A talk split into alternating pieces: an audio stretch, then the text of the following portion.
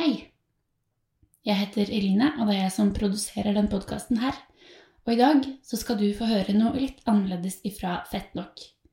Du skal få høre redaksjonsmedlem i Fett, Oda Oftung, lese opp teksten sin ifra Fett nummer tre i 2021, som heter Funksjon. Og teksten til Oda har tittelen 'Grensene for ditt språk betyr grensene for min verden'. God lytting.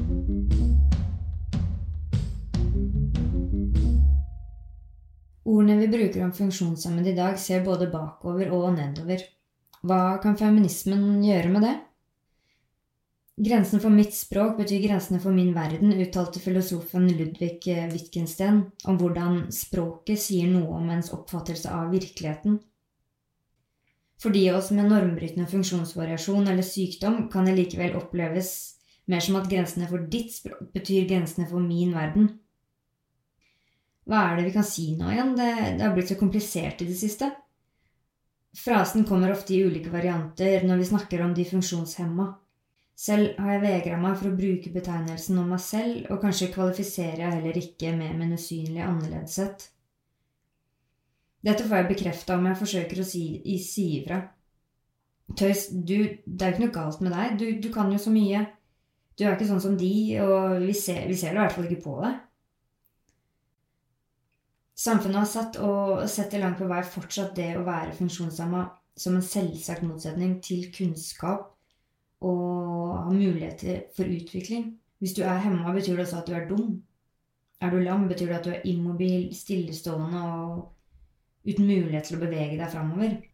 I feminismens tradisjon så har mange flammende taler blitt skrevet med sykdom, blindhet og lammelse som bilde på undertrykkelse begått mot kvinner. Kampene er tatt, og mange av de er vunnet, men hva nå? Kan egentlig feminister tenke, snakke eller skrive om patriarkatet uten å lene seg på stereotypier om funksjonshemma? Noen av våre kjæreste skjellsord kommer fra tidligere medisinske betegnelser for det vi for tiden kaller fysiske kognitive nedsettelser eller psykisk sykdom. Dette er ord som idiot, dum, krøpling, hysterisk. Vi tar i bruk nye ord fordi de gamle har fått en annen klang, en ny, sur tone. Hvor lenge kommer vi til å si funksjonsnedsettelse? Det er besværlig å ikke finne ord som kan holde over lengre tid, selv om det jo er slik språkets natur er, i konstant endring. For funkisbegrepene syklus så virker det nærmest helt naturgitt at man etter noen års bruk må forkaste ordene slik man kvitter seg med søppel, de er blitt stygge, og de viser til det elendige. Men ord kan også resirkuleres, slik som funksjonshemma eller hemma, som mange velger å ta tilbake. Historisk har funksjonshemmede sjelden blitt konstruert som en egen kategori, eller som en konsekvens av maktstrukturene vi omgir oss med, slik vi kategoriserer kvinner, svarte eller skeive. Å være funksjonshemma har oftere blitt oppfattet helt på siden av det her, Medisinske termer og betegnelser om funksjonshemmede har spilt og fortsetter å spille en viktig rolle ved å illustrere konsekvensene av det å være noe annet. Judith Butler, en av våre viktigste kjønnsteoretikere, sammenligna f.eks. de store skiftene og uforutsigbare tilstandene etter 11.9. med schizofreni.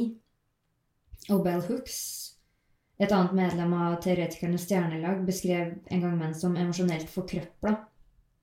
At man blir syk eller brått fikk nedsatt funksjonsevne, blir altså ikke sett på som en naturlig konsekvens eller del av samfunnet. En funkis blir etter denne forståelsen sett på som kilden til sin egen undertrykkelse. Du er din egen barriere. For å gjøre oss forstått med språk tyr vi ofte til sammenligninger, ettersom det jo faktisk er veldig virkningsfullt. Men det er likevel interessant å tenke på at mange av sammenligningene gjøres ut ifra det man forestiller seg noe er, fremfor det det faktisk innebærer og reelt sett er. Når vi anvender stereotyper om psykisk sykdom, blindhet og lammelse for å forklare hva privilegier er, uten å anerkjenne at det å ha sykdom også inngår i dette hierarkiet, usynliggjøres ikke bare enkeltindivider, men også hele gruppas integritet. Det gjør det vanskeligere å peke på funkofobi som en strukturell måte å utøve nominans på. Må man alltid forakte noen andre for å skape plass til seg selv? Er det mulig å være ambisiøs på vegne av feminismens språklige fremtid uten å være aggressiv? Jeg tror ikke man må sortere alle ordene med pinsett for å lykkes, men ved å legge merke til de historiene som mangler, oppsøke og lytte, vil kanskje også de nye ordene få mulighet til å feste seg. Det er kanskje overraskende for noen, men ikke alle med normbrytende funksjonsvariasjoner ser på variasjonen som sin største utfordring. Betegnelsen vi bruker i dag, virker jo ikke være talende nok for det som skal skildres.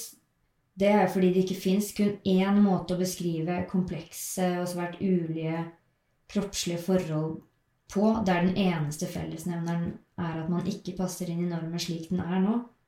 Hvorfor ikke ta i bruk og utnytte det potensialet som ligger i funkisfeltets vokabular, istedenfor å betrakte det som at lista over det du kan si, blir kortere eller smalere?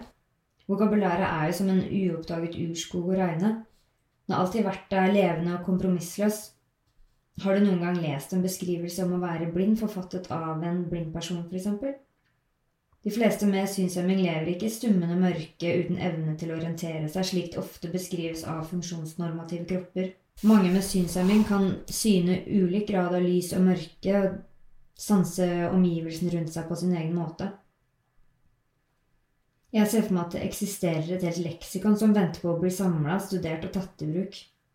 Jeg venter på funkisbevegelsens svar på Ivar Aasen, og det er viktig ettersom et rikere og mer inkluderende språk betyr økt kunnskap. Og kanskje betyr det også slutten på feminismens trøttende metaforer?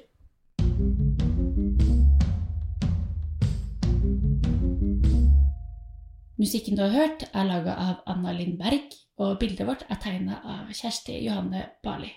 Hvis du har lyst til å lese mer fra nummeret vårt om funksjon, så kan du kjøpe det i utvalgte Narvesen-butikker, i diverse bokhandlere og på fettbutikk.com.